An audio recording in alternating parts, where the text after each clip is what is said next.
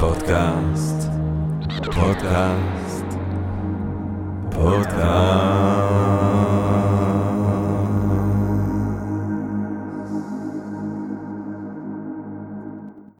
טוב, גבירותיי ורבותיי, ברוכות וברוכים הבאים לפודקאסט של Think and Drink Different. אני ג'רמי פוגל, ואנחנו רוצים קודם כל להודות לסמסונג נקסט תל אביב, קרן השקעות בתוכנה בשלבים מוקדמים, שמאפשרת לנו להקליט את הפודקאסט מהמשחק שלה בשרונה כחלק מתוכנית התמיכה בקהילת החדשנות והיזמות הישראלית. אה, אי לכך ובהתאם לזאת, אנחנו היום בערב רוצים לדבר על אה, יזמות, על אה, החלטות שמובילות ליזמות, על הצלחה ביזמות. אני חשבתי, כשדיברנו עכשיו לפני רגע על הפתיח, על אותה תקרית משעשעת קצת, שבו בוש אמר, ג'ורג' דובלי בוש, הבן, אמר שבעקבות ביקור בצרפת, הבעיה עם הצרפתים היא שאין להם מילה לאנטרפרנר. הוא אמר. אה, וכמובן מה שמשעשע לי שאנטרפרנר אנטרפרנר היא בכלל מילה בצרפתית. בצרפתית. והיא מילה בצרפתית אה, שהמקור שלה הוא הלטינית אינטר פרהנדרה, לתפוס ביד. לתפוס ביד, לתפוס איזו הזדמנות אולי ביד, כן? זה המקור של האנטרפרנור. עכשיו, יכול להיות שבאופן מהותי בוש צדק, והאמריקאים כיום הם אה, אומה אה, יזמית או יוזמת יותר מהאומה הצרפתית, את זה אני לא יודע, אבל מבחינת אה, מילה זוהי המקור של אותה מילה שמהדהדת בשיח האנגלוסקסי היום, to be an entrepreneur and entrepreneurship, וזה באמת הופך להיות סוג של מילה לכל דבר, וכל הזמן שומעים, וכולם צריכים להיות יזמים, וכולם רוצים להיות יזמים, ויש בתי ספר ליזמות. אז מה שאנחנו בעצם רוצים לעשות, ותוכניות ליזמות וכולי, ומה שאנחנו בעצם רוצים לעשות היום, זה להבין מהי יזמות, להבין אם הדבר הזה אה, אפשר או כדאי אה, ללמד אותו, אה, איך זה מתחבר בכלל לפסיכולוגיה האנושית ושאלות היוצאות מהסוגיות הללו. וכדי לדבר על הדברים האלה, אנחנו נרגשים ומתקדמים מאוד להזמין ולארח את יוסי דוקטור, יש לומר, דוקטור יוסי אה, מערבי, שהוא דוקטור במנהל עסקים אה, מאוניברסיטת תל אביב, אה, הוא קיבל את הדוקטורט שם, הוא חקר את אה, משא ומתן בכלים של קבלת החלטות התנהגותיות, אה, הוא גם אה, במקביל לעיסוקים האקדמיים שלו אה, עסק ביזמות בעצמו, הקים חברות, סטארט-אפים, חברות אה, שירותים, אה, כיום הוא אה, מרצה וסופר, הוא מלמד בבית ספר אדלסון ליזמות במרכז הבינתחומי הרצליה אה, דוקטור יוסי מערבי, ערב טוב. אהלן, ערב טוב. אה, ואני גם אומר ערב טוב לתובל רוזנבסר מ-Think and Drink Different, שיושב כאן אצלנו, ואולי מי שיוכל לשמוע, אה, תובל אוכל ביסלי. במבה. במבה, אוכל במבה, בתיאבון שיהיה לך תובל. תודה. Uh, טוב, אנחנו, אם דיברנו על אנטרפרנר ואנטרפרנר כלתפוס ביד, אנחנו אינטרפרהנדרה, uh, אנחנו uh, בפודקאסט אוהבים לתפוס את הסוגיות שלנו ישר בווריד הצוואר, ונשאל אותך, uh, דוקטור יוסי מערבי, מה היא יזמות?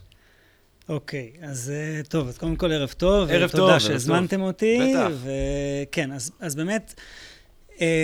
כמו בכל uh, תחום, אני חושב, במדעי החברה, התנהגות, uh, אולי מדעי הרוח אפילו, uh, כשבאים להגדרה, אין הגדרה אחת שמקובלת על הכלל, ואם תחפש הגדרה ליזמות, אתה תמצא שלל הגדרות. Uh, גם תלוי איזה דיסציפלינה תנסה להגדיר יזמות, היא תתמקד בדברים אחרים, הפסיכולוג יתמקד בדברים מסוימים, איש החינוך יתמקד בדברים אחרים, הסוציולוג, ההיסטוריון וכן הלאה. אבל אם ניקח ונקרא הגדרות רבות וננסה לראות לרוחב שלהן, אה, אז יש כמה מושגים שחוזרים על עצמם בהגדרת היזמות. אה, אני חושב שאולי, אני אגיד כמה מהם תכף, אבל אני חושב שאולי באמת מילת המפתח, אתה אמרת אותה בפתיח שלך, זה המילה הזדמנות.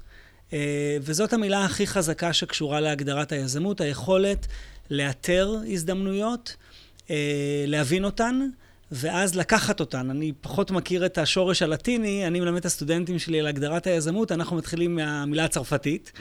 אה, אני לא יודע אם שמעתי במבטא שלך אה, משהו צרפתי. יש, יש שם משהו יש, צרפתי. אז כן. אה, אני מקווה שאני הוגה את זה נכון, בלגי.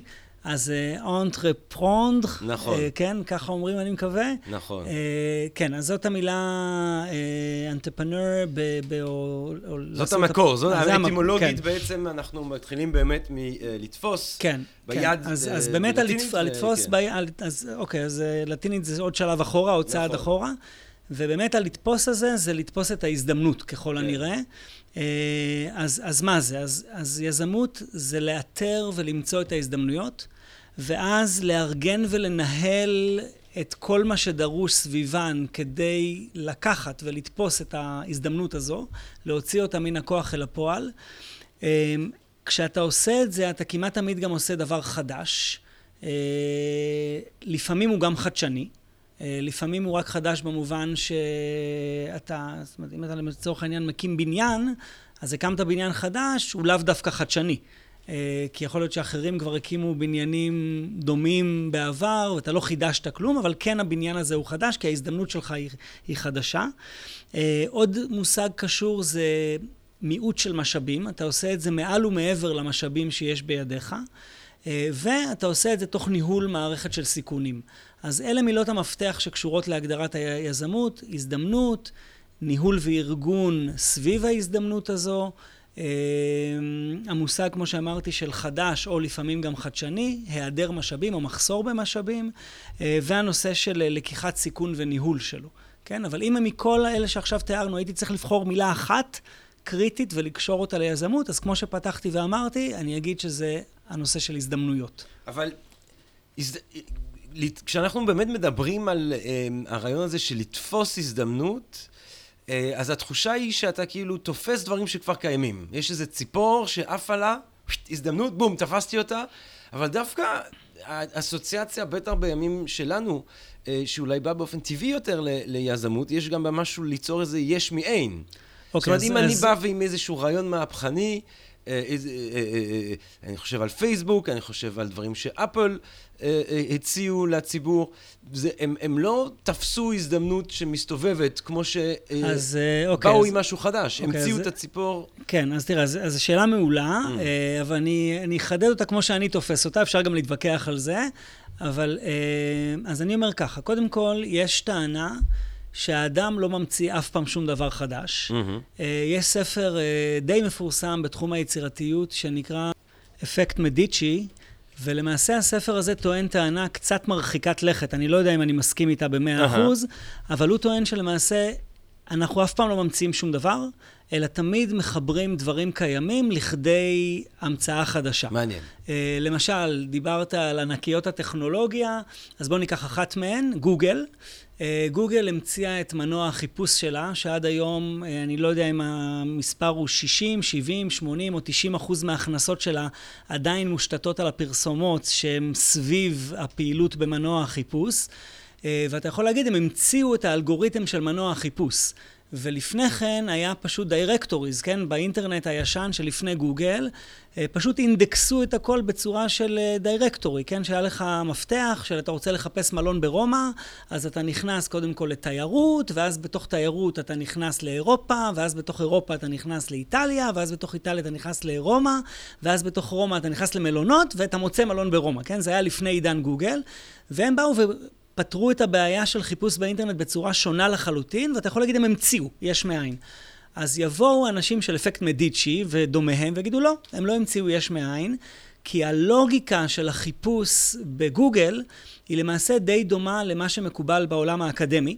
אה, בעולם האקדמי שבו מצטטים זה את זה, וכשאני מצטט מאמר שלך, אז אני אה, מצביע עליך למעשה במאמר שלי, וככל שאני מצביע למישהו שפורסם בז'ורנל יותר חזק, כן, יש לזה כל מיני פקטורים בעולם האקדמי, ככה אני נותן לו יותר כוח, כי אני מצביע עליו, ובאיזשהו מובן אותה לוגיקה עובדת גם בעולם של גוגל, שבו כשאני מצביע עליך, ובעולם האינטרנט להצביע זה לא לצטט, אלא לקשר, אני מקשר אליך, אז אני למעשה נותן לך כוח, כן, לדף שלך או לאתר שלך, וכך הלאה. אה, ולא במקרה, מי שהמציא את גוגל זה שני אה, יזמים שהיו דוקטורנטים, בפרינס, סליחה, בסטנפורד, אה, וזאת למעשה הייתה עבודת הדוקטורט שלהם. אז יבואו האנשים שדוגלים באסכולת מדיצ'י הזאת, נקרא לה, אסכולת אפקט מדיצ'י, ויגידו, אתה אף פעם לא ממציא שום דבר חדש, אתה משתמש בדברים קיימים. הם השתמשו בשיטת הציטוט האקדמית ובנו סביבה את המתודולוגיה הזאת של ההצבעה האינטרנטית עם, עם הכישורים. עכשיו, אני לא לגמרי מסכים לזה, אני חושב שזו טענה קצת מרחיקת לכת, לפעמים אנחנו כן ממציאים דברים אה, יש מאין, אבל דווקא בתחום היזמות אנחנו לעיתים נדירות עושים את זה. אה, רוב היזמויות שאנחנו מכירים, גם כשהן מושתתות על איזושהי המצאה, ההמצאה הזאת, לפחות בעולם האקדמי, בעולם האקדמי, בעולם המדעי, הייתה קיימת אה, שנים לפני כן, לפעמים עשרות שנים לפני כן. אה, ניתן דוגמה קטנה, נגיד אפל, אה, שרבים רואים בה את ממציאת המחשב האישי. אז אם אנחנו הולכים להיסטוריה של המחשב האישי, אז אנחנו נגלה שזה בכלל לא כך. המחשב האישי הומצא הרבה לפני אפל, הוא התחיל, אה, תלוי איפה מתחילים את הבדיקה, אבל בואו נגיד במינימום בשנות ה-40-50 של המאה ה-20 בצבא האמריקאי כפרויקט שלהם, אחר כך הם זנחו את הפרויקט הזה, זירוקס קנתה אותו, ואז אה, יש סיפורים, אני חושב שהם מאומתים היסטורית, על זה שסטיב ג'ובס הסתובב במעבדות של זירוקס. זירוקס הוציאה בשנות ה-70 של המאה ה-20, 1971, 2, 3, אני לא זוכר בדיוק, אבל סביב השנים הללו, אה, מחשב אישי, שנראה לחלוטין כמו המקינטושים הראשונים, אה, מחשב שנקרא אלטו. המחשב הזה לא נחל הצלחה מסחרית, כי הוא עלה 15 אלף דולר בדולרים של אותה תקופה. אה, אני חושב שבערך היום זה מאות אלפי דולרים. ואז גם זירוקס סגרה את הפרויקט, וסטיב ג'ובס המשיך אותו. חלק מהמהנדסים הראשונים של אפל היו מהנדסים שהוא לקח מזירוקס.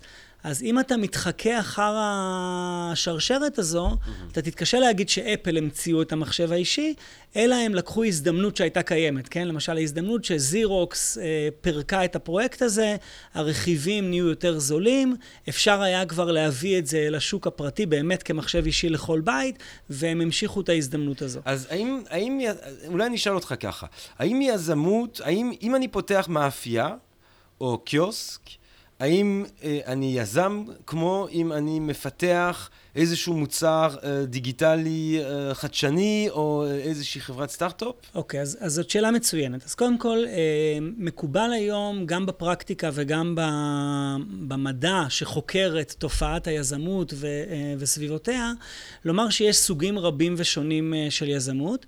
אמ, אני אוהב אה, איזושהי אה, דיפרנציאציה או טיפולוגיה של חוקרים מ-MIT, אמ, שלמעשה הם מדברים על שני סוגי יזמות. אה, סוג אחד שהם קוראים לו IDE, שזה ראשי תיבות של Innovation Driven Entrepreneurship, כלומר יזמות שהיא מונעת חדשנות, וסוג שני שהם קוראים לזה SME או SMB Entrepreneurship, כלומר היזמות של העסק הקטן והבינוני. אז האדם שפותח בית קפה או פיצריה או חנות בגדים הוא יזם, הוא כן יזם, אבל הוא יזם של עסק קטן ובינוני, שזה לא עסק מונח חדשנות. אמ, ולעומת זאת, היזם שמקים את, ה, את, את ה-Waze הבא, כן, או את, את הגוגל הבא, אמ, הוא יהיה יזם של מה שנקרא IDE, והם שונים זה מזה בהרבה מאוד מובנים, אבל שניהם יקבלו איזשהו טייטל של יזם. אז זו דרך אחת להסתכל על זה. עוד דרך מעניינת להסתכל על זה היא דרך של... אמ, יש מתודולוגיה שנקראת Lean Startup, שבשנים האחרונות עשתה לעצמה שם אה, מאוד משמעותי בתחום של אה, הוראת וקידום היזמות. ולמתודולוגיה הזאת של ה-Lean Startup, שאולי נרחיב עליה בהמשך, יש להם הגדרה שלהם של מה זה סטארט-אפ. וההגדרה שלהם של מה זה סטארט-אפ מתכתבת יפה עם מה שהרגע דיברתי עליו, אותה הגדרה של החוקרים מ-MIT, של uh, אה, IDE, כן? של Innovation Driven Entrepreneurship. אז מה ההגדרה של ה-Lean סטארט-אפ לסטארט-אפ? ההגדרה שלהם זה שסטארט-אפ זה uh, ארגון זמני, uh, תכף אולי נסביר למה הוא זמני, שמחפש אחר מודל עסקי שהוא sustainable ו-repeatable. ואולי גם הייתי מוסיף scalable. זאת אומרת, אם יש עסק שהמודל העסקי שלו הוא כבר ברור, כן? בוא נחשוב נגיד על פיצריה. אז אם אתה זיהית הזדמנות לפתוח פיצריה בשכונה שלך או בבלוק שלך, כי אין כזאת, ואנשים מזמינים מהשכונה הבאה, mm-hmm. אז אתה יזם, כי אתה זיהית הזדמנות, חסרה פיצריה, אם אתה גם תקים אותה, תארגן את המשאבים, תפעל, תיקח את הסיכון וכן הלאה, אנחנו נקרא לך יזם, אבל אתה לא תהיה יזם לפי הגדרת הלין סטארט-אפ, כי אתה לא המצאת מודל עסקי חדש. המודל העסקי של פיצריה הוא קיים, הוא ידוע, הוא מוכח, ואתה mm. רק משעתק אותו עכשיו לעסק החדש שאתה הקמת. אז אתה כן יזם, אבל אתה לא סטארט-אפיסט, לפי הגדרת הלין סטארט-אפ, ולפי ההגדרה שנתתי קודם, אתה כן יזם של SMB, של ארגון קטן ובינוני, או עסק קטן ובינוני, אבל אתה לא יזם של IDE, כי אתה לא אה, אה, מקים עסק שהוא innovation driven. עכשיו, אז אתה, ואתה רוצה לומר שבעצם הסוג הזה של עשייה, שהוא innovation driven, אה, הוא דורש אה, אה, מערך של כלים ומערך של יכולות שהוא שונה מהקמת עסק מסורתי. כן, בהרבה מובנים כן. למשל, אם נחשוב על יצירתיות, mm. כן, שאולי ניגע בה אחר כך, אז אה, היצירתיות שנדרשת לך בהקמת עסק שכל כולו מושתת על משהו חדשני, ואגב, החדשנות היא לא חייבת להיות חדשנות טכנולוגית, היא גם יכולה להיות חדשנות סביב המודל העסקי שלך, או סביב מודל הרווח, או סביב השותפויות שאתה בונה. יש הרבה סוגים של, אה, אה, של חדשנות. היצירתיות שדרושה בעסק כזה היא שונה מרמת היצירתיות שדרושה בעסק שהוא יותר אופרטיבי, כן? והוא יותר לקחת מודל עסקי קיים, לשעתק אותו ורק לתפעל אותו. אה, אז זה נגיד דוגמה אחת. אה, רמות ה... זאת אומרת, אז האפיון של המודל העסקי, זה מה שמבחינתך מבדיל אה, יזמות או סטארט-אפ, נגיד, או, או, או, מעסק אחר. זאת אומרת, אם המודל העסקי שאני מקיים הוא מודל עסקי שכבר קיים כמה דורות, אז אני אולי יזם, אבל אני לא... אה, אתה לא סטארט-אפיסט. אני לא סטארט-אפיסט. כן, כן. כן. עשיתי פה שילוב של כמה הבחנות, כן, של, אה, אה, שיש, אבל באמת אחת מהן של הלין סטארט-אפ, אחת מהן, אם מישהו מהמאזינים שלנו ירצה להתעמק יותר, אז לין סטארט-אפ זה לא בעיה, פשוט להקליט בגוגל לין סטארט-אפ, יש על זה הרבה מידע, כולל של הכהן הגדול של האסכולה הזאת, שמו סטיב בלנק. אה, והוא גם דוגל ב-open access אה, materials, אז יש לו אתר מאוד מאוד מאוד מאוד עשיר, ואפשר ליהנות שם מהרבה מאוד אה, מקורות מידע. מי שרוצה לקרוא יותר על ההבחנה השנייה שעשיתי, של אותם חוקרי מה-MIT, שדיברו על ה-SMB entrepreneurship לעומת IDE, Innovation Driven, אז הם כתבו uh, מאמר uh, מאוד uh, קל לקריאה, זה לא איזה משהו כזה אקדמי כבד, uh, שנקרא A Tale of Two Entrepreneurs. הוא גם זמין לקריאה בחינם ובאופן פתוח באינטרנט, והוא עושה גם את ההבחנה הזאת. אני מאוד ממליץ להתחיל משני המקורות האלה, הם עושים הרבה מאוד סדר לשאלות הבסיסיות האלה שפתחת איתן. אוקיי. מה אז מלמדים, אם אנחנו רוצים ללמד אנשים להיות, אנשים ש... טוב, עכשיו אני כבר לא, לא, לא יודע להגיד אם הם יזמים או סטארט-אפיסטים, אבל בוא נגיד סטארט-אפיסטים, מה אני צריך ללמד לבן אדם כדי שהוא אה, יהיה כזה? האם אני יכול ללמד את זה בכלל? האם זה משהו שצריך אה, לאמן, כמו שמתאמנים על אה, פסנתר? האם זה משהו שמלמדים כמו שמלמדים מתמטיקה? האם זה כישרון טבעי? האם זה, מתנה, האם זה אה, מתנת האלים, כן? כמו שבאמת אה, מנון שואל את סוקרטס על מידה טובה. מה אה, אם אנחנו עכשיו ניסינו לאפיין מהי יזמות או מהי סטארט-אפיסטיות, אה, איך מלמדים את הדבר הזה? אוקיי, okay, אז, אז שאלה מצוינת, ואני חושב שאתה שאלת מה זה יזמות. אני חושב שאולי זה גם קשור לרקע שלך, כן? שאתה בעצמך איש אקדמיה ופילוסוף, אז אתה מתחיל משאלת ה... מה זה, כן? כן. ההגדרה. אבל כשאני פוגש אנשים שהם לא שכמותך, אלא האדם הממוצע ברחוב, כן. או החבר הממוצע שלי, כן. או המכר הממוצע שלי, הוא לא דוקטור לפילוסופיה, אז uh, הוא דווקא לא שואל אותי מה זה יזמות, איכשהו זה ברור להם uh, מה זה יזמות, והם ישר ניגשים לשאלה השנייה ששאלת, והיא, אתה אומר שאתה סגן דיקן בבית ספר ליזמות, איך בכלל אפשר ללמד יזמות. כן. ו- ואז מיד באה הטענה הבאה, יזמות אי אפשר ללמד, או שאתה נולד עם זה, או שאתה לא נולד עם זה. אז זו שאלה מצוינת, ויש לזה תשובה, ואני אגיד מה התשובה. אז אה, אני רוצה להבדיל בין ללמד אנשים להיות יזמים, לעומת ללמד יזמות. ואני חושב שזה לא בדיוק אותו דבר. אה, וגם המחקר תומך פחות או יותר בטענה שאני עומד לטעון. מה זאת אומרת? אז, אז קודם כל, להיות יזם, יש פה גם תכונות אה, אישיות, שתכף אולי נזכור כמה מהן, שקשורות לזה. ואז ללמד את התכונות האישיות האלה זה דבר מאוד קשה. ולכן מה שאני חושב שצריך לעשות, וזאת גם אה, אה, פילוסופיה שאנחנו מנחילים אצלנו בבית ספר, בתוכניות השונות, אה, אנחנו טוענים שקשה מאוד לקחת את האדם האקראי ברחוב ולהפוך אותו ליזם.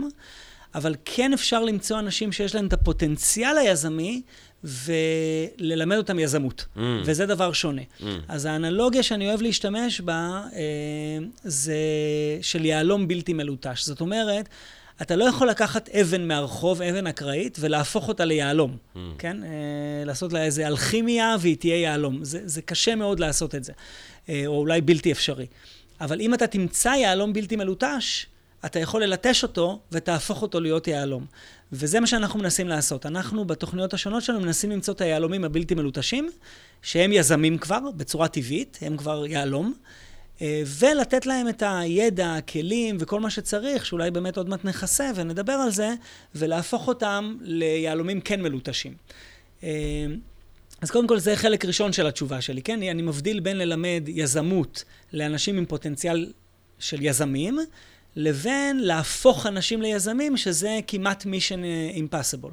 אז זה פעם אחת. הדבר השני שאני רוצה לדבר עליו, זה שבהוראת יזמות יש למעשה שני מושגים שהם נשמעים מאוד דומה, אבל הם שונים. והמושגים השונים האלה זה, אה, אנחנו נקרא להם אה, entrepreneurship education, לעומת entrepreneurial education, שזה נשמע די אותו דבר, אבל ההבחנה הדקה הזאת במילים, היא יש בה משהו. ואני אגיד מה זה. אז entrepreneurship education זה לייצר יזמים. לייצר יזמים אתה יכול לאנשים שכמו שאמרתי קודם, הם כבר יזמים ברמה האישיותית, עם, ממש, עם הסט של, של יכולות וכלים שהם מביאים איתם, ואת זה אתה מלטש. אז זה אחד. אה, לעומת זאת, אה, נקרא לזה entrepreneurial education, זה לתת כל מיני כלים של היזם לציבור היותר רחב, וללמד אנשים להיות יותר יזמיים, כן? לא יזמים, אלא יותר יזמיים. אה, ופה אתה יכול לקחת כל אדם ולתת לו יותר מזה. אז הוא יהיה יותר יזמי מכפי שהוא היה קודם. האם זה יהפוך אותו להיות יזם במובן של אדם שמקים עסקים חדשים וחדשניים, בין אם זה SMB ובין אם זה IDE, לוקח על עצמו את הסיכונים, מוצא את ההזדמנויות וכן הלאה? לא בטוח. אבל הוא יהיה יותר יזמי בגישה שלו. אז אז אני מקווה שהצלחתי להסביר את זה. אני רוצה, אני רוצה שנייה לחזור לא, לאותן תכונות אה, אישיות. כן. שהן... שהן דווקא מעניינות, כי אתה אומר, בעצם את זה אה, קשה מאוד, או אה, איפשהו בתכלס אי אפשר ללמד. זה עובר, זה כמו כל תכונות אישיות, זה עובר בגנטיקה. כן. וזה מונחה לאדם בשנים הצעירות של, של חייו, כן. בעיקר על ידי הסביבה הקרובה שלו. הורים, אז, קרובים. ואותי, זה, זה מיד מזכיר לי את אה, מקיאוולי שמדבר על אה, פורטונה, כן? על המזל בחיים, אה, מה שהיינו חושבים כמזל, אבל הוא אומר, פורטונה, טוב, זה, אנחנו קצת אה, בשיח המגדרי של המאה ה-16, אבל פורטונה היא כמו אישה, היא אוהבת את הצעירים הנועזים, כן? את, הנוע... את מי שנועז. זאת אומרת, מי שמעיז, צריך איזושהי תעוזה, הוא אומר, כדי ליצור לעצמך מזל. כן? אם אתה לא מעיז, אז אתה גם לא תיצור לעצמך מזל, אתה לא תתפוס את המזל. יש לו איזו תפיסה, כן, כותבים על זה הרבה, על איך מקיאוולי תופס את הפורטונה כמשהו שאפשר, במידה מסוימת, כן? כי יש, אתה יכול פתאום להיות חולה, אז אם אתה חולה, אז הלך לך, הניסיון שלך להשתלט על מדינה, כן. הלך לך גם העסק. כן, עם סטיב ג'ובס למשל, בסופו של דבר אתה חוטף את המחלה הלא נכונה, אז לא יעזור כלום. אבל יש דברים מסוימים שאתה יכול לעשות כדי להשתלט על המזל הזה, אה, על הפורטונה הזאת. אה, הוא חושב אה, מקיאוולי במובנים אה, של תעוזה, של, יש לו עוד כל מיני תכונות שהוא מתאר שהן הרבה פחות נעימות. מהי מבחינתך התכונות האישיות, ש... כדי שלמי שאין, איפשהו מי שמאזין לנו עכשיו יבין שאין לו את זה, אז הוא יכול פשוט להקשיב לפוסט-קצים אחרים. אנחנו נעשה פה סלקציה טבעית. מהם התכונות האישיות שצריך כדי להיות יזם? אוקיי, okay, אז רגע, אז לפני שאני אענה, אני רוצה שתי התייחסויות למה שאמרת. אה, אחת, שאני לא יודע אם אתה יודע את זה, אבל mm-hmm. בפסיכולוגיה של האישיות, אה, מנסים לאתר באמת כל מיני תכונות אישיות שהן קבועות פחות או יותר מעבר לסיטואציה ומעבר לזמן. Mm-hmm. והרבה מהתכונות שמגלים הן לא תכונות שהיינו חושבים עליהן, mm-hmm. כן, בתור uh, התכונות הבסיסיות שאנחנו נוהגים לייחס לאנשים. אחת התכונות האלה נקראת מקיאווליזם. Mm. אז uh, מסתבר שיש תכונה כזאת, ויש מדד שבודק עד כמה האדם הוא מקיאווליסט. Uh, במובן של, uh, כן, מה שמקיאוולי מתאר, איזה אופורטוניסט כזה, שמקדש את המטרה. אנטרופרנור, לפי מה שאמרת, יזם, אחד שיודע לזהות הזדמנות. כן, למרות, ש, למרות שאצלו זה גם ידרוך על גוויות בדרך לשם. ו... גם דריכת הגוויות היא הזדמנות. גם גבייה של... לא, לא בטוח. גם גבייה שיושבת נכון כדי לקדם אותך היא הזדמנות. אחר כך השאלה היא באמת, האם אנחנו מגבילים את היכולת היזמית שלנו על ידי אה, על ידי מוסר. על ידי אתיקה או מוסר, כן, כן, נכון. אז אני, אני מאוד מאמין שכן. ו- כן. ואנחנו, אני לפחות מנסה לחנך את הסטודנטים שלי, שכן צריך... אה, לצערנו. הרב, זה לא בדיוק דרכו של העולם. אה, כרגע.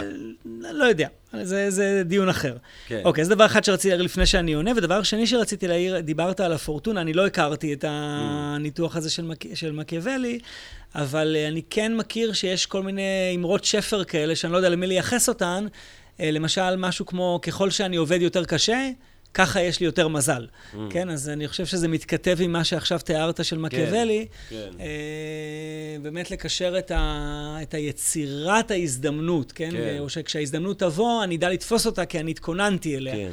כן, אבל עכשיו בוא נדבר על השאלה שלך, והיא, מהן התכונות אה, של היזם. אה, אז כמו שאמרתי, באמת יש דבר כזה, תכונות של אה, יזם, ואפשר למנות כמה.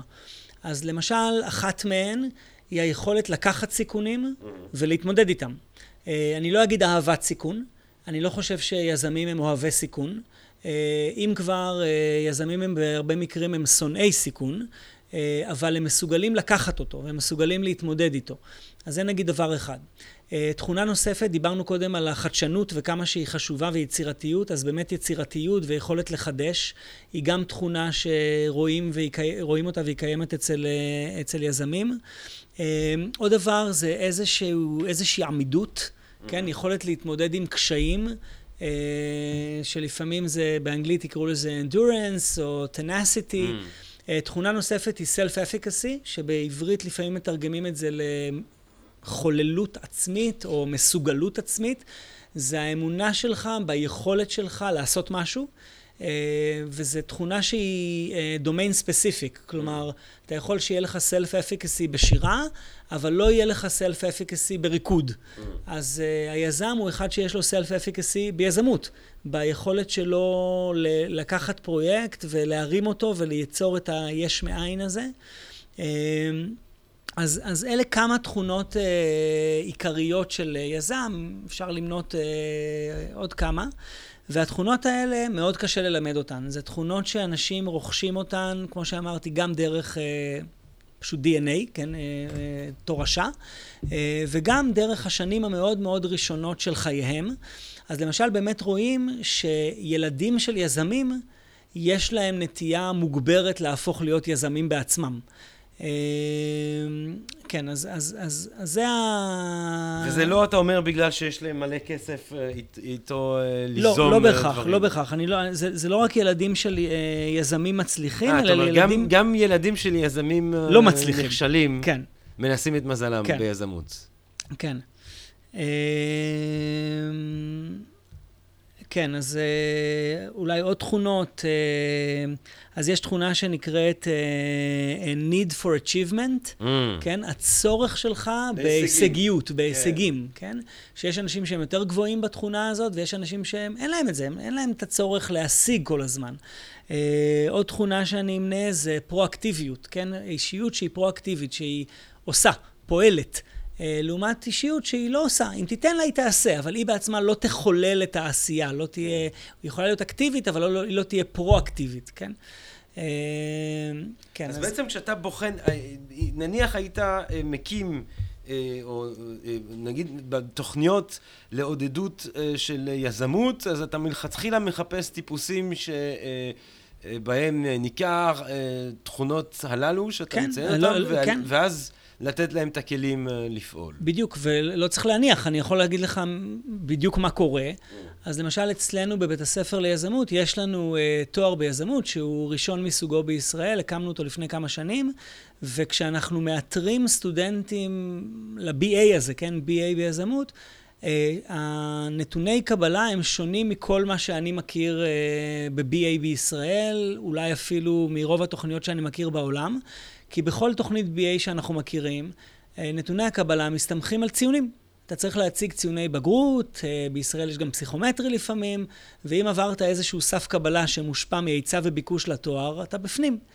אה, אנחנו בנינו מודל שונה לחלוטין, שבו המועמדים שלנו צריכים להציג קורות חיים, צריכים להציג מכתבי המלצה, צריכים לענות על טופס ראיון כתוב מאוד מאוד ארוך, שבו אנחנו בין השאר שואלים אותם על התכונות האלה שהרגע דיסקסנו, והם צריכים לתת לעצמם ציון על התכונות האלה, אבל גם להביא דוגמאות שמתכתבות עם ההמלצות ועם קורות החיים שלהם, כדי לראות אם באמת יש את זה, או שזה רק אה, המצאות שלהם. אה, הם צריכים אה, אה, לצרף קטע וידאו שבו הם מציגים את עצמם ומסבירים למה התוכנית מתאימה להם והם מתאימים אליה.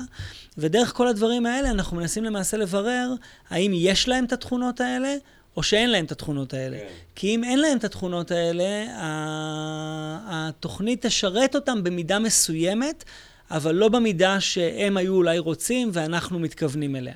יש באמת בהתכתבות הזאת של אמ, לימוד אקדמי את היזמות ויזמות אה, בשטח, זה מעניין לחשוב שלפחות אה, הרבה מהסיפורים, או לא יודע אם הרבה, או, או רושם כביר שנעשה על ידי שני סיפורים מרכזיים של צוקרברג ושל ביל גייט, שהם דווקא dropouts. כן. אנשים שבעצם מרוב יזמות אה, לא צריכים באיזשהו שלב את הלימודים האלה. האם, זאת אומרת, אם אני באמת...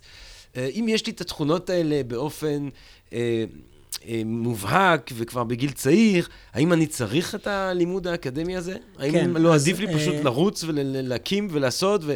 הרי אנחנו גם יודעים שהעולם בחוץ הוא כל כך מהיר היום, הקצב של ההתפתחות כל כך מהיר, קשה במערכות אקדמיות לשמור על מידע שהוא עדכני למה שקורה בחוץ וכולי. האם לא עדיף לי פשוט ללכת על זה? אוקיי, אז... מאשר להירשם ללימודים? אז תשמע, זו שאלה מצוינת, ויש עוד הרבה דוגמאות שאתה דיברת על אה, ביל גייטס וצוקרברג, ששניהם נשרו מהרווארד. אפשר לציין גם את סטיב ג'ובס, שגם הוא נשר מהלימודים כן. שלו, אנחנו מכירים את הסיפור המפורסם. אה, ויש עוד הרבה דוגמאות של אנשים גדולים שהקימו דברים משמעותיים, והם dropouts כאלה. אה, אבל אני אגיד על זה כמה, אתה יודע מה, אני אתן עוד אנקדוטה ואז אני אגיד על זה כמה דברים. אה, יש עוד מישהו אה, שנקרא פיטר טיל, אני לא יודע אם השם מוכר כן, לכולם. כן, הוא איש, איש ימין, נולד בגרמניה. כן, אז פיטר טיל... קרוב לטראמפ. כן, אז פיטר טיל...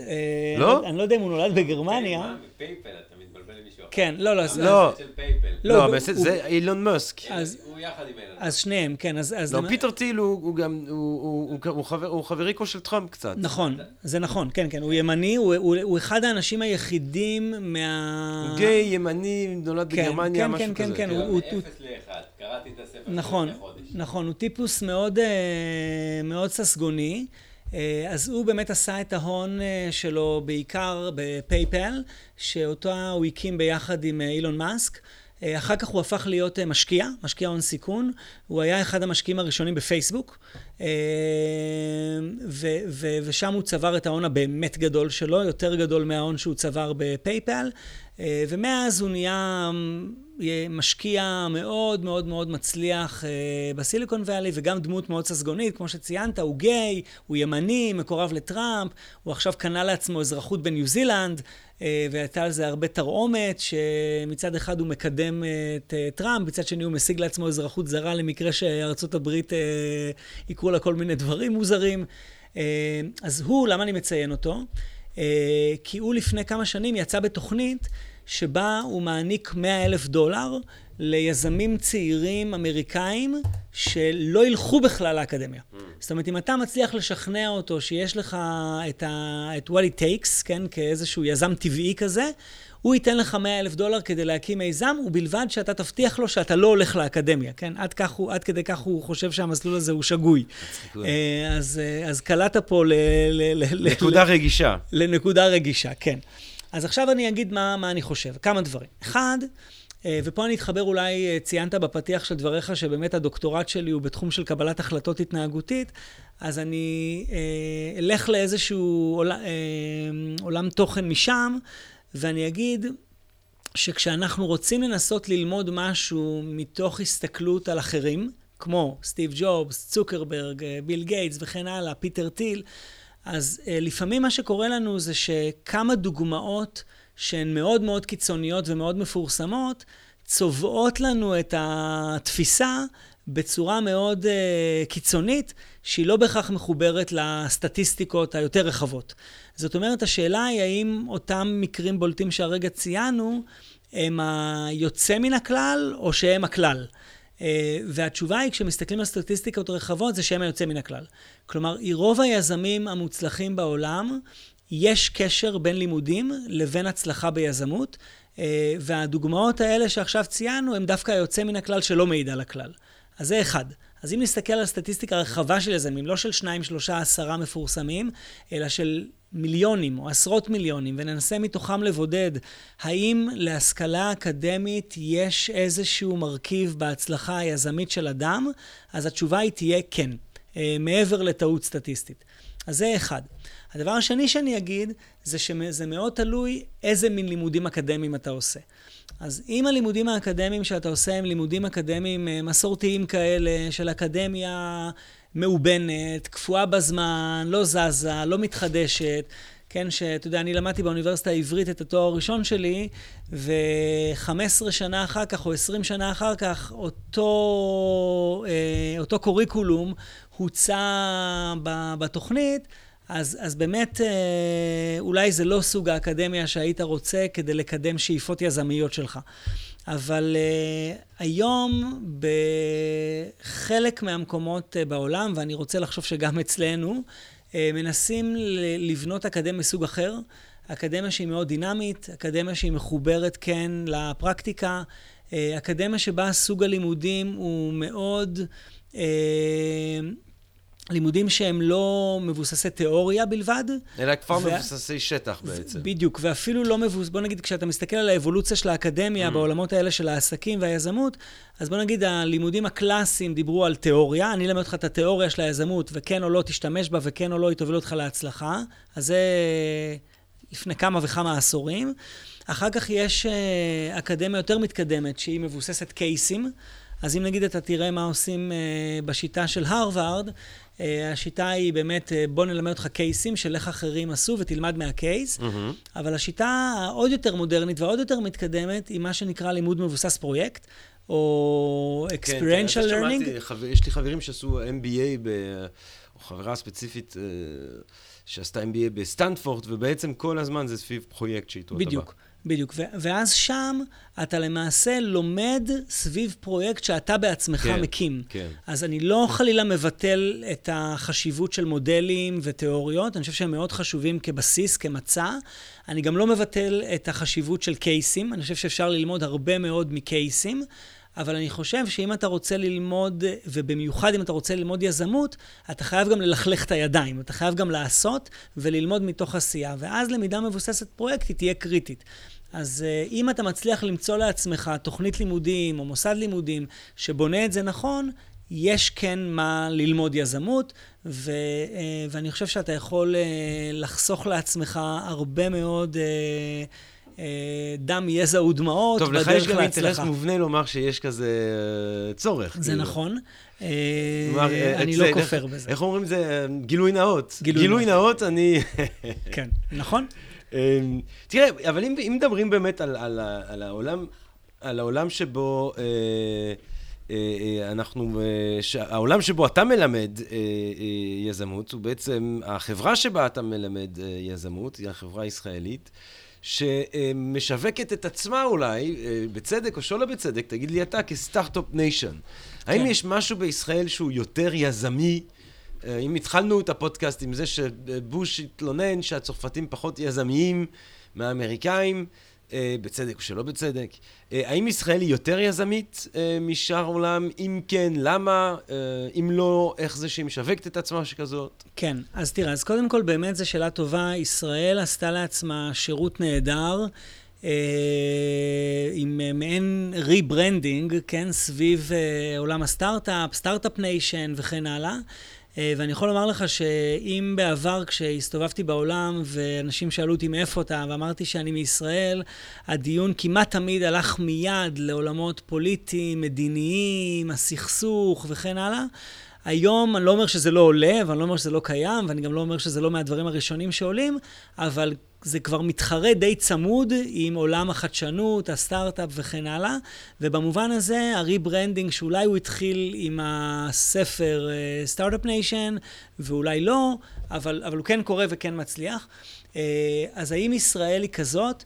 אה, אז תראה, אז התשובה היא, קודם כל אני אגיד שאני בדרך כלל לא אוהב את הגדולה והתעצומות של העם היהודי שאנחנו מייחסים לעצמנו. כן. אה, כל העם סגולה, ואנחנו יותר במיץ. אינטליגנטים מהממוצע, וכן הלאה וכן הלאה.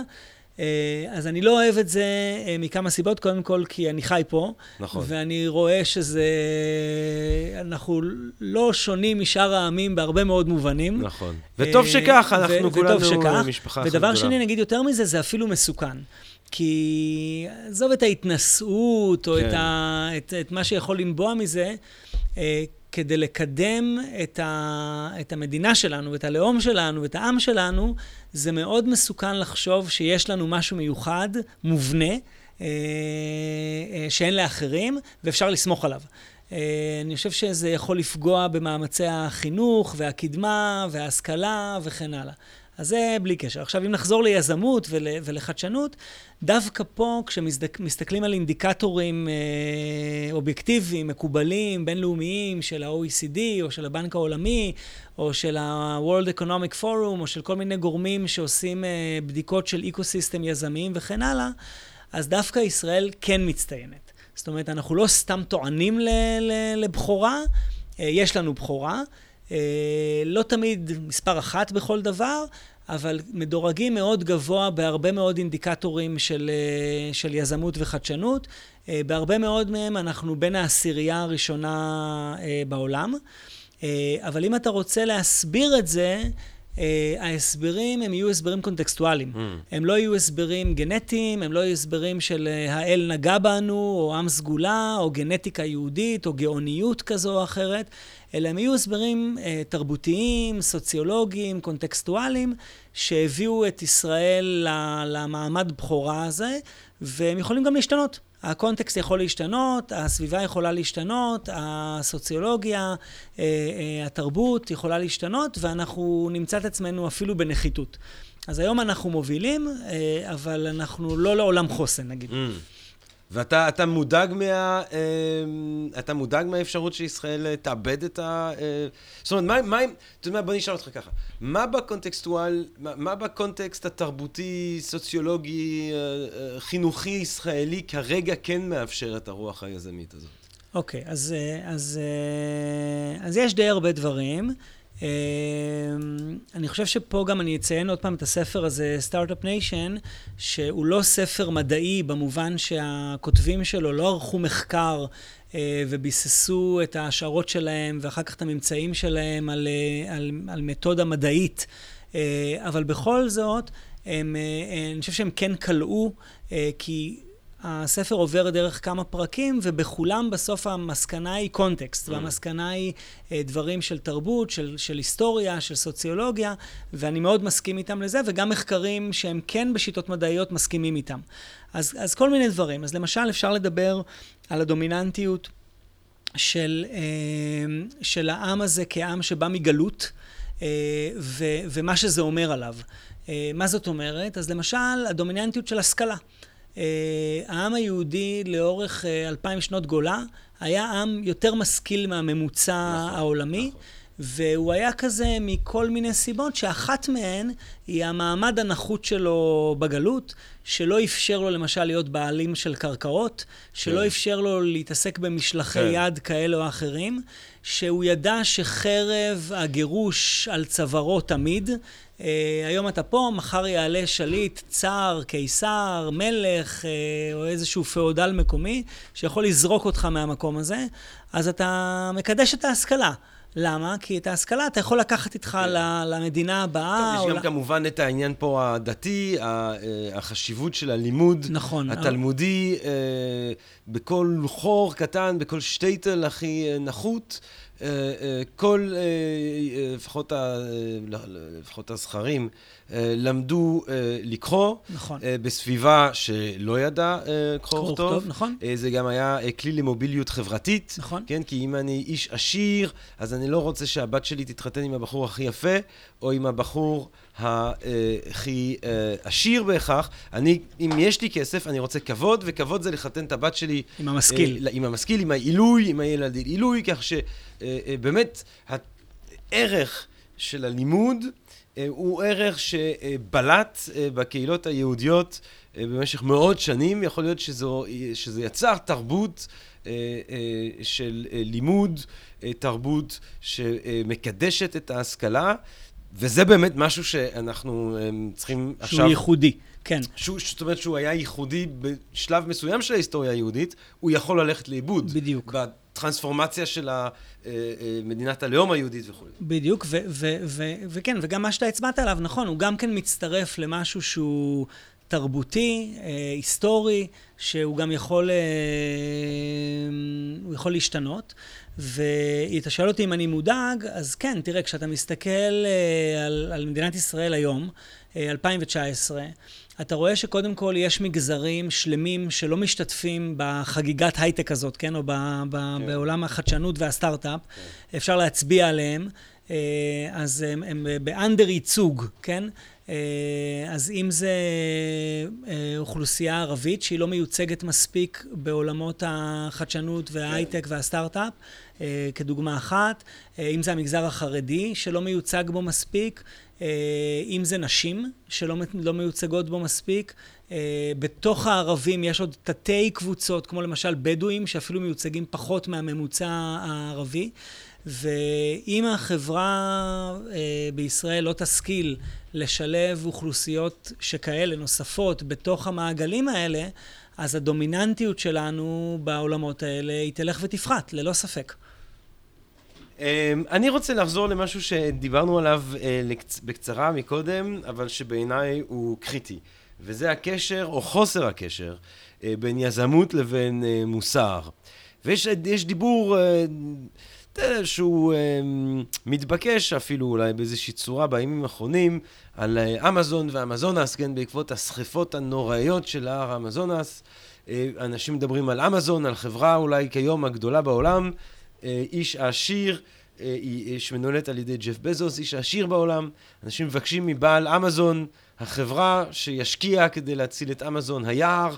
אה, יזמות, או, או, או מודל עסקי מוצלח, כן, הוא, ואולי פה זה מחזיר אותנו למקיאוולי. זאת אומרת, מקיאוולי אומר, אני מלמד אותך איך, אם אין לך כוח, איך להשיג כוח, ואם יש לך כוח, איך לשמר כוח. ולפעמים הוא אומר, צריך לא להיות טוב. הוא אומר את זה במפורש, זה מה שהפך אותו לשם גנאי, כן? פוליטיקה עד כמעט למקיאוולי זה דבר גדול, זה דבר גבוה, זה... ופוליטיקה אחרי מקיאוולי הופך להיות משהו נמוך, כי הוא אומר בעצם, אפשר, עדיף להיות, כדי להיות פוליטיקאי מוצלח, כשאתה מגדיר מוצלח כמשתלט על איזשהו סוג של אה, מערך, ואז משמר את הכוח שלו, עדיף לא להיות מוסרי כדי להצליח. ובאותה צורה בעצם האחריות של אה, יזם, לפי מה שדיברנו עליו, הוא ליצור מודל עסקי מוצלח. זאת אומרת, מודל עסקי שבסוף מביא למשקיעים, או לבעלי ה- אה, האג"ח, או לא יודע מה, הניירות, או, אה, אה, או, או לבעלים פשוט, אה, של איזשהו עסק, אה, כמה שיותר הכנסות. הדבר הזה לפעמים, כדי לקבל יותר הכנסות, כדאי לי לא להיות מוסרי. אפילו, אה, לצערנו הרב, אה, אה, וה, והמודל הזה, המודל של התרבות שבה אנחנו חיים, שמקדשת בעצם רווחים על חשבון אה, מוסר, אפילו על חשבון הישרדות של עצם הזן האנושי בעתיד הנראה לעין, הוא היגיון שניכר שהוא הרסני ושקשה לנו אפילו לעצור אותו. זאת אומרת, יש עכשיו דהירה, כן, אם נדבר על יזמות, אחת מההזדמנויות העולמיות זה הזדמנות של האוצרות הגלומות באדמת אנטארקטיקה והצפון הרחוק, פתאום יהיה לנו גישה שם לגז הטבעי, לדלק, בדיוק לאותם משאבים שהרסו, שהובילו למצב שבגלל ההתחממות הגלובלית שאפשר... זאת אומרת, במקום להבין, יש לנו בעיה, מתחמם העולם. אה, אה, אה, האזור הזה בצפון מתחמם, אנשים ממשיכים עם אותו היגיון משוגע של לקדש רווח בכל מחיר, תעזוב אפילו מחיר מוסרי, מחיר של הישרדות של הסיביליזציה כפי שאנחנו מכירים אותה. מה, מה, מה, מה המחשבות שלך על הנושא הזה? אוקיי, okay, אז אני חושב שזה נושא מאוד מאוד חשוב שאתה מעלה כרגע. אמ, והמחשבות שלי הן כאלה. קודם כל, אני מסכים איתך שבהרבה מקרים אנחנו רואים שיש העדפה של הרווח, התועלת, ההזדמנות על פני המוסר. אה, אני אישית חושב שזה שגוי. אה, אני חושב שכשאתה בונה לעצמך עסק חדש, וזה מה שיזם עושה, הוא בונה עסק חדש, אחד הדברים הראשונים שאתה צריך לעשות זה לקבוע את הערכים של העסק הזה, ואני חושב שלפחות כמו שהשקפת עולם שלי, שאותה אנחנו, אני גם מנסה להנחיל לסטודנטים שלי, אני מקווה שזה מצליח, אה, זה שאתה צריך גם להכניס שיקולים מוסריים ואתיים לתוך מה שאתה בונה. אה, ואני חושב שיש יותר מדי סיפורים שבהם זה לא קורה. אתה ציינת את אמזון, אז אנחנו חדשות לבקרים שומעים על uh, מה שקורה באמזון. תנאים של תנאים עבודה של נוראים, כן, אנשים ש... שלא מורשים להשתין במשמרות של שעות על גבי שעות. בדיוק, ישנים ברכב, כן. או דברים מטורפים שכאלה. יש גם סיפורים או על... או מקדונלדס שנותנת חוברות לעובדים שלהם בארצות הברית. על איך לשרוד, אה, או איך ללכת להוציא תלושי אה, מזון ותלושי, אה, כל מיני תלושים של עזרה, כי גם להם ברור שאי אפשר לחיות מהמשכורת שהם משלמים. כן, ויש לזה הרבה מאוד ביקורות. אובר, כן, זה עוד דוגמה לכך שעוד חברה שנתפסת כמאוד דורסנית. וכן הלאה, אבל אני אומר שוב, אני בהשקפת עולם שלי, אני נגד. אה, אני חושב שחייבים לשלב גם שיקולי מוסר ואתיקה בכל עסק. אה, אני חושב גם של, ציינת את, את אנטארקטיקה כהזדמנות, כן? אה, בסופו של דבר היזם צריך לשאול את עצמו, מדוע אני עושה את זה? עכשיו, יש מחקרים שבודקים למה יזמים עושים את זה, למה הם נכנסים לעולם היזמות. אה, באופן די מעניין, אחד המחקרים שאני מכיר ומצטט וגם מלמד, זה מחקר שהשווה שלוש תרבויות, ארה"ב, סין וספרד, ובדק על יזמים צעירים שרק עכשיו נכנסים לתוך העולם הזה של יזמות, אה, למה הם עושים את זה. ולפחות במחקר הזה, מה שהתגלה זה שהנושא של להתעשר ולעשות רווחים אדירים וכן הלאה, זה לא בין שלוש הסיבות הראשונות המוצרות, להקמת המיזם. המוצרות. המוצרות, כן. נכון. יש פה בעיה, אתה צודק, של, של מה שנקרא... אתה, אנחנו, הרי הרבה, אתה מדבר בעצמך שהרבה מה, מההוראה היא case studies. עכשיו, אם אתה מסתכל על, ה, על, ה, על ההצלחות העסקיות, היזמיות הגדולות בדור שלנו, אין, שמות שיחזרו, פייסבוק, גוגל, אפל, אמזון, האם אין אה, בעיניך חברות מוסריות? האם הן חברות שבאיזושהי צורה אה, נתנו סימן שמקדשות או מקדמות באיזשהו אופן לעומק, בצורה מערכתית, מוסר, לא כמס שפתיים, אבל... אה, אז תראה, זו שאלה טובה. גוגל, כשהם התחילו, זה היה חלק מעולם הערכים שלהם, כן? do good או don't do harm. אה, וזה, עכשיו קשה לטעון את זה על, אה, על גוגל החדשה. אה, פייסבוק גם... למה, למה? למה בעצם? מה, מה, בוא תרחיב. מה, מה, מה בעשייה של גוגל באופן מובהק סותר היגיון שהיה מקדש ערכים מוסריים? או לוקח אותם בחשבון בצורה רצינית? אז תראה, אז, אז, אז בגוגל יש למעשה ניתוח מאוד מאוד מאוד עמוק של כל דבר שאתה רוצה, כי ב, ברוב המדינות בעולם, גוגל זה המקום הראשון שאתה תלך אליו כמעט עם כל שאלה. אה, החל משאלה של דברים של אה, פנאי ועד לשאלות של בריאות. אני לא זוכר את הסטטיסטיקות המדויקות, אבל אני חושב שמשהו כמו 60 או 70 אחוז מהאנשים, כשיש להם בעיה רפואית, הולכים לגוגל לפני שהם הולכים לרופא. אה, הם יודעים עליך הכל. וכרגע הידע הזה מתורגם יותר מדי פעמים להצגת פרסומת, ופחות מדי פעמים כדי לסייע לך. אז, אז לא, לא מומחה גדול במחקר של, אה, על גוגל ועל הפרקטיקות שלה, אבל אני חושב שיש התרחקות שם מה, מה, מהערכים הבסיסיים שאיתם הם התחילו עם ה-do good או don't do harm. כן. אה, זאת אומרת, היחס של המשתמש של גוגל או פייסבוק, אה, כן, כמו שאמרה לנו... כן, כמו שאמר לנו דוקטור לירז מרגלית, אה, לפני כמה ימים, אם אתה לא משלם אז אתה המוצר. נכון. אה, היחס אליך הוא אה, קודם כל כאל מוצר, אם בפייסבוק, אם, אם בגוגל, אנחנו גם ראינו את החוסר רצון בתחילת הדרך של צוקרברג לשתף פעולה. עם כל החקר לגבי הדיסאינפורמציה וקמפיינים של דיסאינפורמציה שגורמים כאלה ואחרים רוצים לקיים, אם בפייסבוק ואם בגוגל, אלה הם בעיות שהולכים אה, להרחיב הרי בשנים הקרובות. אנחנו כבר רואים את כל הקטע הזה של הדיפ פייק. כל הסרטונים האלה שגורמים כן. למונליזה לדבר, או הופכים שחקן כזה לשחקן אחר. אתה רואה שעוד מעט כבר יהיו סרטונים שבו אתה תראה בן אדם עושה דברים, אלוהים ישמור, אבל זה ייראה אמין לחלוטין. השאלה על מי אפשר יהיה לסמוך, מה אמיתי, מה לא אמיתי, הופכת אה, אה, שאלה שהיא אה, קריטית נכון. בדור שלנו. הגופים האלה, לא נראה שהם מוכנים כדי להתמודד עם הבעיות האלה, אה, לפגוע אה, בהכנסות שלהם. נכון, אבל אני אגיד על זה משהו, אולי נקשר לתחילת השיחה שלנו על מהו יזם, והדגשנו את המילה של, את המושג של הזדמנות.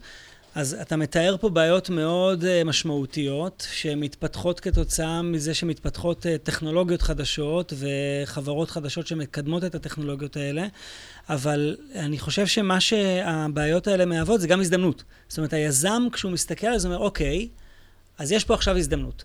ההזדמנות היא למשל איך אני מתמודד עם ה deep fake, או איך אני מתמודד עם הפייק ניוז, או איך אני מתמודד עם העובדה שגוגל לא שומרת עליי, או פייסבוק לא שומרת עליי, אז אולי אני צריך לשמור על עצמי ועל ילדיי. ואני אה, יודע ומכיר שיש די הרבה יזמים וחברות שעכשיו מנסים להתמודד עם האפקטים השליליים שאותן חברות ענק יוצרות בזה שהן הופכות אותנו למוצר שלהן.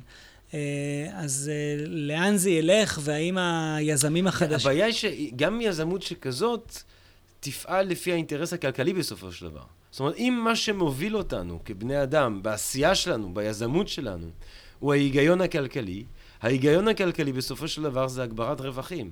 זה לא בהכרח לשמור על אינטרסים אנושיים. אמ, זה, זה... זאת אומרת, צריך יזמות מוסרית, אולי מודל נכון, אחר לחלוטין. זה נכון, אז תשמע, אני יכול לומר לך ש... אני אתן שוב דוגמה של הבית ספר שלנו, אה, כש... ואני אתן פה מחמאה למל"ג, למועצה להשכלה גבוהה, שאני בדרך כלל לא אוהב להחמיא להם או לגופים שכמותם, אבל ניתן להם. אז כשהם דנו בבקשה שלנו ל-BA, עברו על רשימת הקורסים ועל הקוריקולום, אה, אחד הדברים שהם ביקשו מאיתנו זה להכניס קורס של אתיקה. Mm. אתיקה ליזמים, ובאמת עשינו את זה, והיום כל סטודנט שלנו חייב לעבור קורס כזה. האם זה משפיע בהכרח על היזם שהוא יהיה? אני רוצה לקוות ולהאמין שכן, אבל אני חושב שגורמים שונים בחברה צריכים להתגייס כדי להנחיל את התפיסה הזאת ל... ליזמים לעתיד, כן? או לבעלי העסקים ומנהלי העסקים לעתיד. אה, כדי שהם לא יהיו, מה שתיארת קודם בפתיח, אה, אנשי עסקים, יזמים, תאבי בצע ודורסניים, שכל מה שהם מנסים למקסם זה את שורת הרווח. עכשיו, אני אגיד עוד משהו שקשור לזה בצורה יותר עקיפה, ולא, פה דיברנו על בצורה ישירה.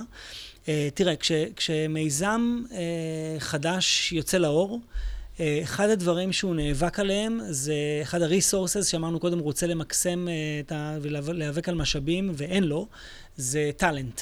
כן? אתה מיזם צעיר, מיזם חדש, אז גייסת כמה עשרות או מאות אלפי דולרים ואולי אחר כך מיליונים בודדים. אין לך את הכוח של החברות הענקיות הרב-לאומיות, אבל אתה מתחרה איתם על אותם אנשים. אתה מתחרה עם גוגל על מהנדסים, אתה מתחרה עם אה, פייסבוק על מנהלי מוצר, אתה מתחרה עם אמזון על data scientist. איך תעשה את זה? ואני חושב שבמעין הפוך על הפוך, אה, אחת הדרכים שלך כיזם להתחרות על הטאלנטים האלה, אה, זה להציע להם עולם טוב יותר.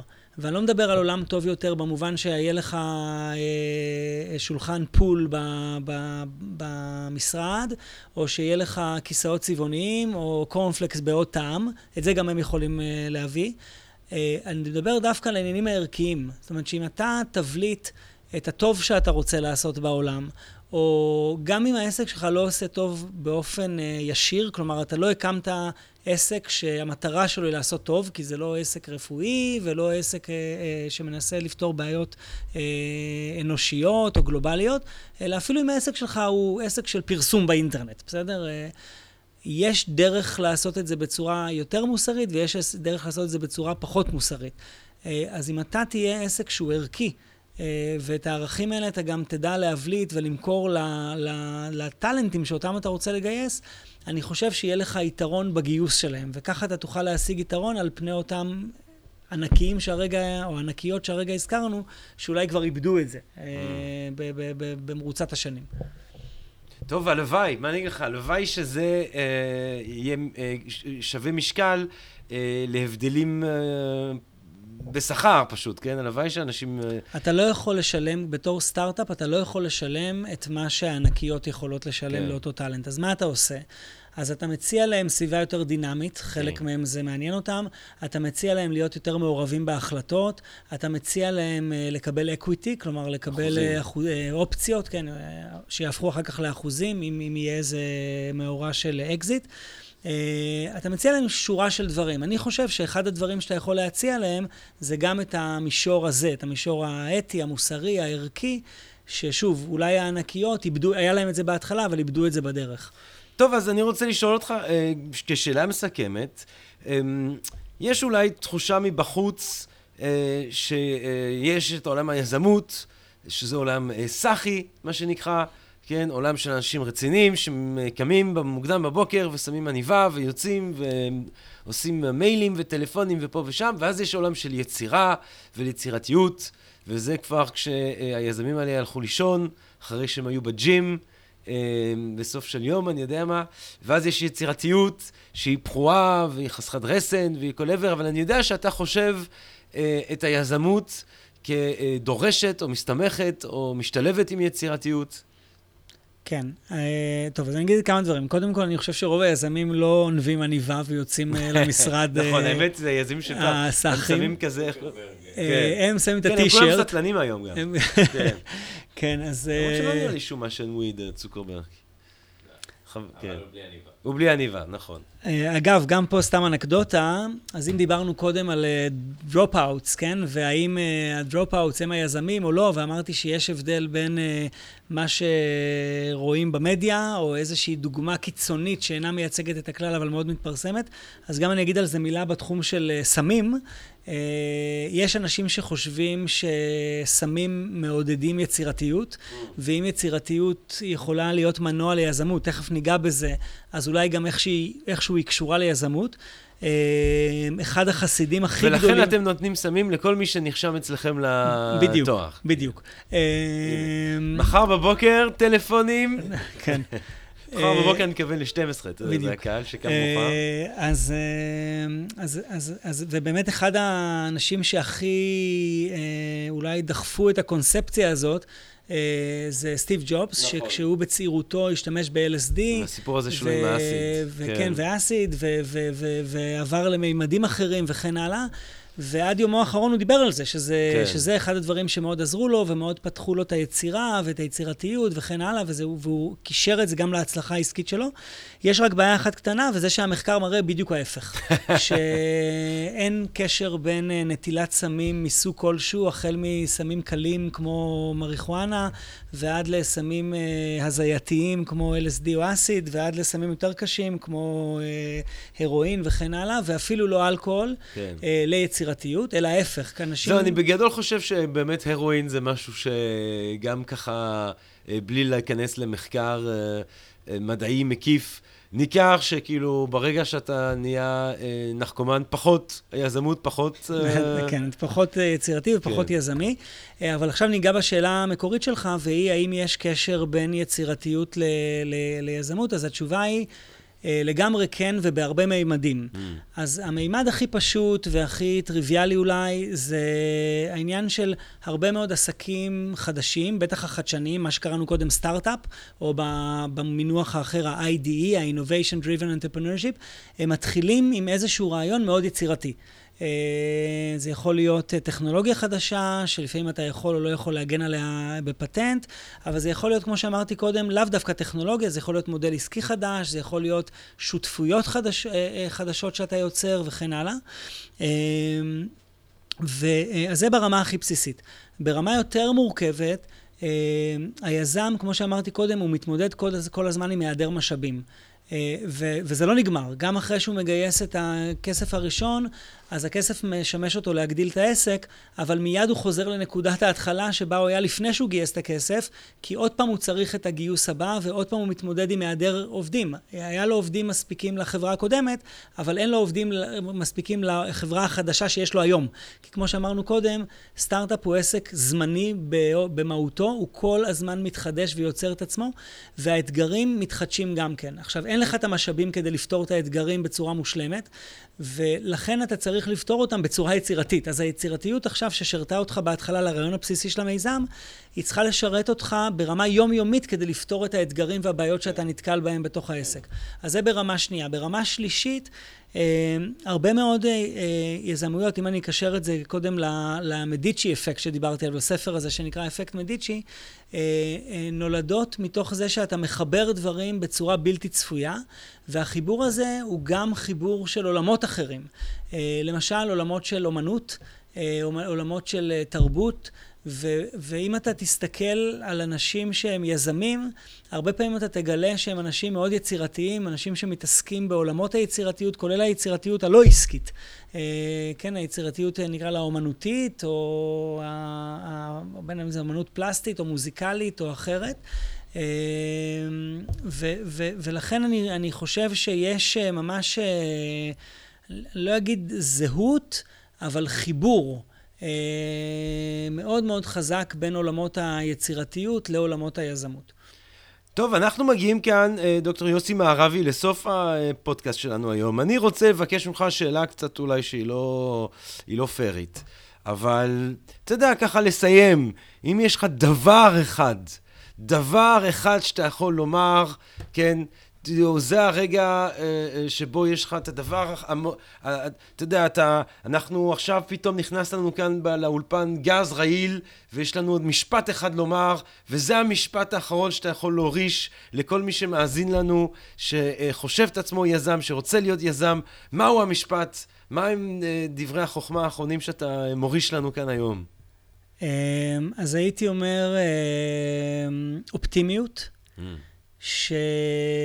שהופכת כל בעיה, אתגר או צורך לא ממומש, ומסתכלת עליו דרך המשקפיים של איזה הזדמנות יש בו, והאם אני יכול לגייס את עצמי כדי לפתור את, ה... את הבעיה הזו. אה, אז זה מה שהייתי אומר, אה, האופטימיות שמאפשרת לך להסתכל על העולם בצורה אחרת, ולהפוך את הבעיות של העולם, ואת האתגרים של העולם, ואת הצרכים של העולם להזדמנויות. וואלה, אני חושב שעם הדבר היפה הזה, אנחנו נסכם כאן את השיחה שלנו. אני רוצה ממש ממש להודות לך, אה, דוקטור יוסי מערבי, שהגעת אלינו כאן היום. שמחתי מאוד. אה, אני מקווה אה, שגם המאזינות והמאזינים שלנו נהנו מהשיחה הזאת כמו שאני נהניתי ממנה, ומציע לכם לבוא ולשמוע את ההרצאות של יוסי ב-Think and Drink Different, ואיפה שלא יהיו במיזמים ויזמויות. אה, אחרות, אה, אם כי היזמות הזאת, Think and Drink Different, היא אה, נשגבת במיוחד. נכון, ואפילו הזמנתי את תובל כמרצה אורח שלי לאחד השיעורים. אה, לחלוטין, בטח. רק שגם הוא כיזם, בטח שווה לו יותר לעשות יזמויות מאשר לבוא לחצות, אבל הוא עושה את זה בצורה, לא? אתה תעשה את זה עדיין. כן, כן, בטח. אם כבר אנחנו מקדמים את תובל, או את Think and Drink Different, זה בערך אותו הדבר, אז אה, אני מחצה ב-Think and Drink Different ביום שישי, נכון?